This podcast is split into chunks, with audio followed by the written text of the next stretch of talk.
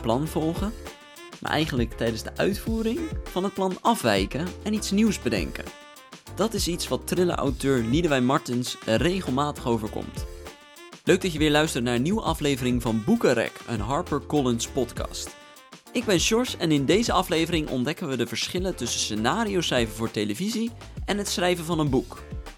Liedewij Martens schrijft voor bekende televisieseries als Baantje en Flikken Maastricht, maar hij is ook auteur van het spannende boek Ondergronds, waarmee ze ons meeneemt op een jacht naar een seriemoordenaar in Amsterdam. Veel spanning dus, maar in deze quarantainetijd gebeurt er natuurlijk niet heel veel spannends. Maar dat houdt Liedewij Martens niet tegen bij het schrijven van haar volgende boek. Vandaag mogen we verwelkomen in de Boekenrek podcast Liedewij Martens. Welkom. Dank je. Hoe, uh, hoe gaat het? Ja, in deze tijden is het natuurlijk allemaal anders, maar relatief gaat het best goed. Ja. Hoe, uh, hoe heb je deze afgelopen, ja we zijn nu al twee maanden verder, al bijna drie, hoe, hoe heb je dit een beetje beleefd? Uh, ja, een beetje als een metawereld. Dat je denkt, dit gebeurt toch niet echt? En hoe, hoe zien jouw dagen er nu uit in, in deze quarantaine? Um, ja, eigenlijk niet zoveel anders dan anders. Omdat ik natuurlijk al uh, als schrijver thuis werk. Dus eigenlijk wat werk betreft verandert er niet zoveel. Um, ja, sociaal gezien natuurlijk wel. We kunnen niet naar theater en um, ja, we kunnen niet zoveel mensen zien. Uh, zijn er nu dingen die, uh, die je zegt al theater gaan bijvoorbeeld, maar zijn er dingen die je heel erg mist? Of, uh, of ja, nu, nu is misschien, het is nu juni, dus die weer een beetje langzaam op kunnen starten die je gemist hebt? Het koken voor mensen. Ja, dat is misschien heel raar, maar dat doe ik heel graag en dat heb ik heel weinig gedaan. Gewoon mensen over de vloer hebben en die, daarvoor koken bedoel je dan, ja? Een dinertje maken en dan bedenken wat ik allemaal ga koken en doen. En dan gezellig dat met z'n allen beleven. Ja, dat, uh, dat heb ik vooral erg gemist. Doe je, de, doe je dat vaak, normaliter? Ja, wel regelmatig, ja. ja. En wat is er dan aan, aan, aan koken wat, wat jou zoveel uh, genot brengt, zeg maar? Ik denk dat ik dan het leukste vind om uh, een recept te proberen en daar dan zoveel mogelijk van af te wijken en dan wordt het toch leuk. Oké, okay, dus je begint met een soort, van, een soort van lijn van dit moet het worden, maar ondertussen ga je, wijk je er gewoon vanaf en wordt het misschien... Ik denk van, oh, ik heb dit en oh, dat heb ik niet. Oh, nou, dan doe ik toch zo. En ik heb hier niet zo'n zin in. En dan vervang ik dat gewoon. En dat is dan eigenlijk de grootste lol. En dat, en dat pakt meestal wel goed uit? Ja, verrassend. Oké, okay. ja, dat is ook altijd even afwachten. ja. Maar dat, dat soort dingen, dat is wel iets wat, uh, wat je al gemist hebt. Het, het koken, maar ook het, het sociale van vrienden over de vloer. Ja, natuurlijk. Ja, dat mist iedereen natuurlijk. Ja. En uh, de, is er dan, uh, ja, nu mag het allemaal weer misschien wat, wat langzamer komen. Zijn er nu ook dingen dat je denkt, nou, nu, nu alles weer een beetje gaat versoepelen van dit is het eerste wat ik ga doen? Ik ga op 25 juni ga ik naar het theater. Oh. Met 30 mensen en dan op anderhalf meter en een uurtje. Maar dat vind ik heerlijk. Ja, maar ja, dat is inderdaad wel zoiets van, dat, dat, dat heeft echt dan, dan ruim drie maanden niet gekund. Nee, nee. Dat zal wel weer een heel aparte, aparte beleving worden dan. Ja, daar ben ik ook wel benieuwd naar, hoe dat gaat. En, en wat ik ook wel doe, zoals zoveel schrijvers, denk ik, is zo'n uh, dagboekje bijhouden nu. Wie weet wanneer je het nog een keer kunt gebruiken. Als, als inspiratie? Ja, en nu het allemaal die ervaringen zo vers zijn, is het, uh, dan is het beter om het zo raar op te schrijven. En dan kun je daarna kun je het gaan uh, dramatiseren of uh, op een andere manier gewoon in een verhaal vechten. Dat zou ik dan een keer misschien willen doen. Maar waar, wat, wat noteer je dan? Noteer je dan vooral je, je, je persoonlijke dingen of ook de dingen die je bijvoorbeeld in het nieuws hoort of in de, gewoon die in de wereld gebeuren? Ja, eigenlijk van alles, ja. Gewoon dat je denkt, wat heb ik vandaag, wat is me opgevallen? Waar uh, was ik blij van? Waar was ik boos over? Uh, ja, en dan, uh, dan wordt dat een dossiertje. Nou. En dan kan je wellicht later een keer op terugvallen. Ja, ik heb al kleine ideetjes voor het vervolg op ondergrond. En daar kan ik dan natuurlijk niet omheen. Nee, precies. Nee. Nee. Nee, het is, het is wel iets wat, wat nu natuurlijk een hele grote impact heeft op, uh, op hoe de wereld in elkaar zit. Ja, en, en omdat, um, omdat uh, mijn, mijn thrillers vooral wel actueel zijn en, en aanhaken aan wat er allemaal toch net gebeurd is, wil ik daar wel een plekje voor maken. Dat ik in ieder geval een soort ehm, post-corona ehm, iets wil gebruiken. Ja, precies. En dan niet zozeer zo'n uh, doemscenario van een virus wat ons allemaal uitroeit, maar meer van hoe de wereld er gewoon uitziet na zoiets. Ja, en, en hoe we daar dan mee omgaan en wat er misschien veranderd is. En... Ja, ja, oké. Maar je, je, we zitten nu allemaal thuis. Uh, is het dan ook een, een, een, moment dat jij meer schrijft of leest? Ik lees al meer. En het schrijven, dat. Uh, nee, doe ik eigenlijk niet meer dan anders. Oké. Je hebt wel gewoon een, een, een, ritme wat je normaal al had, dat heb je nu ook gewoon. Ja, ja gelukkig um, heb ik um, een vrij uh, grote discipline. Dus dat, uh, dat uh, vind ik een groot geschenk, moet ik zeggen. Dat, Ik ga gewoon zitten en dan ga ik het doen. En hoe ziet dat er dan uit voor jou, zo'n zo'n schrijfdag? Uh, nou, zo begin ik om een uur of negen. En dan uur of drie, dan is het wel op. Oké. Okay. En heb je dan een bepaald aantal woorden dat je geschreven wil hebben? Als, als ik echt aan een boek bezig ben, wil ik uh, een bepaald aantal woorden halen. En dan kan ik dan iets meer of iets minder. Maar daar ben ik best wel streng in. Anders komt het namelijk niet af. En doe je dat dan vijf dagen in de week? Ja, ja als er andere dingen zijn niet. En um, tussendoor heb ik ook nog, um, maak ik tijd voor mijn uh, bokstraining. Dat, ik, ik, ik, doe een kickboksen en uh, dat is uh, heel fijn om te doen. Dus dat doe ik dan als ontspanning tussendoor. Dan kan je dan eventjes alle, alle frustratie en energie kwijt die je misschien hebt opgebouwd tijdens het schrijven, die kan je dan even eruit boksen. Ja, het is meer dat ik dan weer op nieuwe ideeën kom. Want dan, is, dan werkt het zo bij mij dat dan mijn hoofd zo leeg wordt dat er weer plek is voor iets anders. Want dan ben ik oh. alleen maar met het boksen bezig en met techniek en hoe. En dan, dan komt er vanzelf, uh, komen er andere dingen. Of okay. oplossingen voor een probleem. Oh, nee, doe het zo. En dat, is, dat, uh, dat werkt heel goed. Dus jij denkt soms wel eens van, uh, nou, je bent aan het schrijven en je denkt, nou, ik loop vast. Van, ik weet het even niet, van misschien moet ik even gaan boksen. Ja. Oké, okay. oké. Okay. En heb je altijd al uh, schrijver willen worden eigenlijk? Ja, stiekem. Stiekem. Als, een, als meisje van, van vier, geloof ik wilde ik dat eigenlijk al wel. Maar dat leek zo onbereikbaar en zo.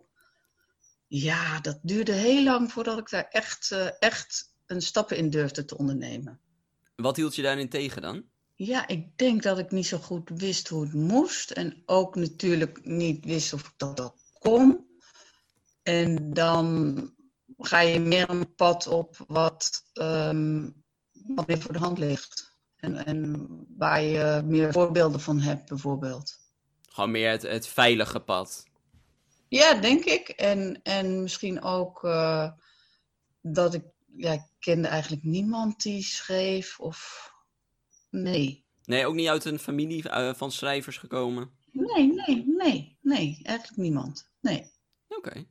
Dus, dus het moest wel echt, uh, het moest echt vanuit jou komen. Je moest je er wel echt toe zetten om gewoon een keer die stap te nemen. Ja, nee, ik ben toen begonnen, toen werkte ik als uh, producer voor televisieprogramma's, dus iets heel anders. Um, en toen begon het toch te kriebelen en toen heb ik een cursus scenario schrijven gedaan in de avond. En toen ging dat eigenlijk zo goed, toen mocht ik bij die producent, mocht ik een eerste aflevering voor mij van Bandjes schrijven.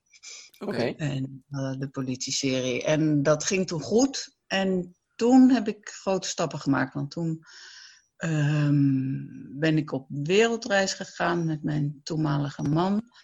En toen ben ik uh, met de laptop en toen ben ik begonnen. En toen dacht ik van nou, ik ga het gewoon doen. Nou, en toen kwamen de, die scenario-opdrachten, uh, die bleven komen. Ja, en dan komt natuurlijk um, de heilige graal.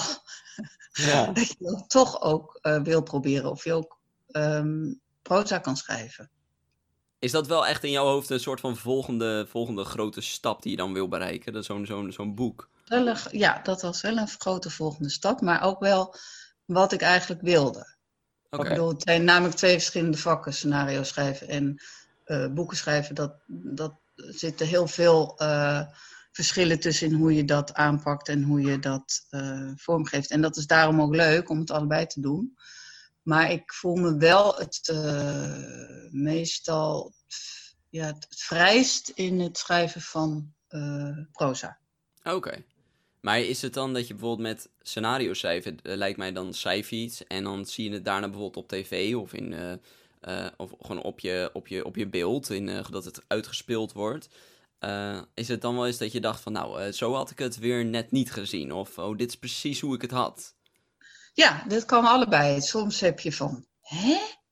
We beginnen bij de omslag in de scène. Het hele stuk is, hoezo?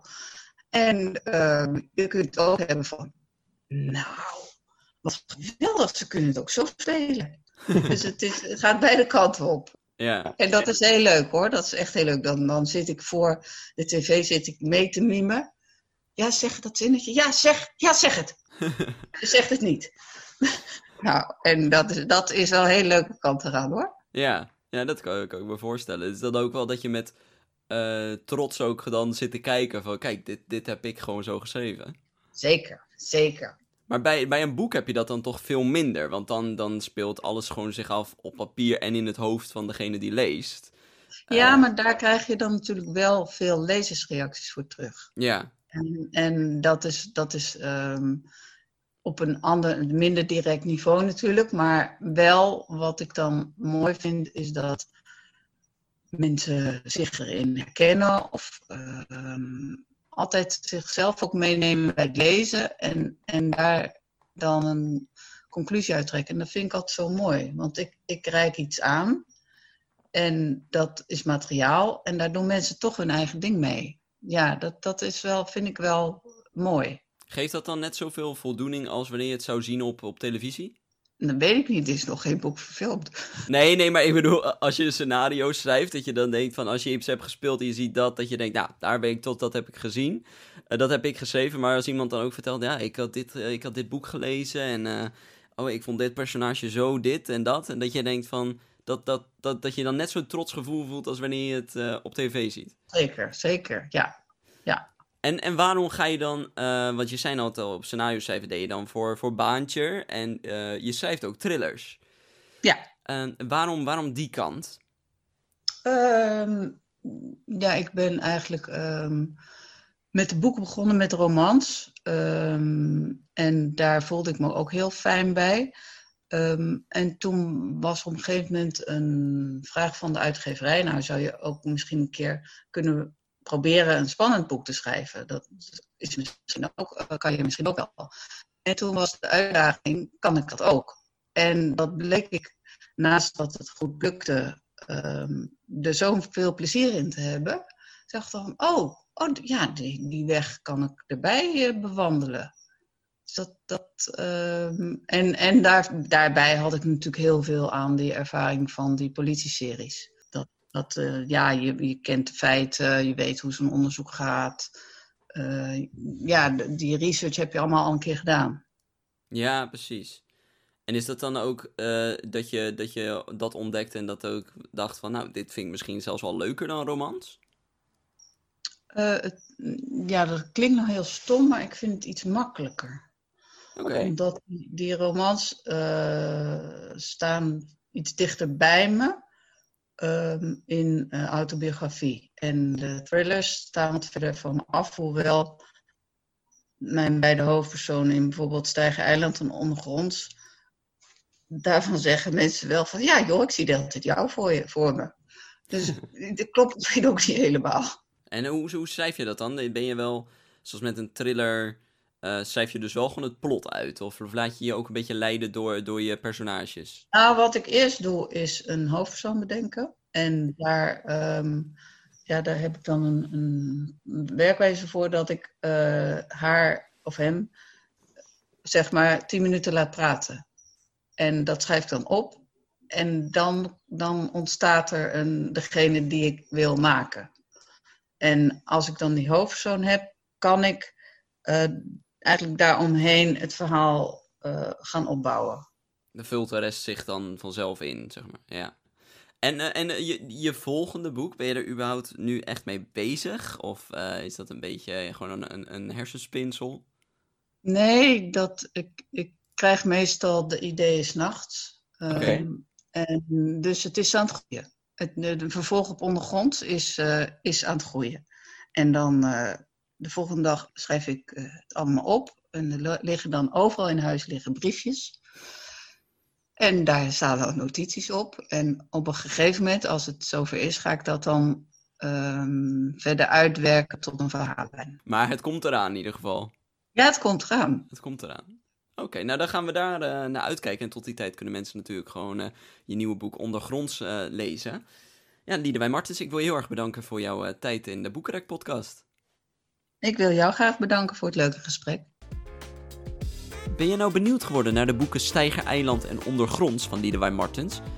Beide boeken zijn verkrijgbaar in alle on- en offline boekhandels. Of kijk natuurlijk even op harpercollins.nl. En hiermee zijn we alweer aan het einde gekomen van deze aflevering van Boekenrek, een HarperCollins podcast. Voor meer gesprekken met jouw favoriete auteurs kun je ons vinden op Apple Podcast, Spotify, Stitcher of alle andere podcast apps. Vind je deze podcast nou leuk? Laat dan even een review achter op Apple Podcast. En op die manier kunnen straks nog meer mensen genieten van hun favoriete auteurs. Voor nu wens ik je nog een fijne dag. Blijf thuis, blijf gezond en blijf vooral lekker lezen. Tot de volgende keer.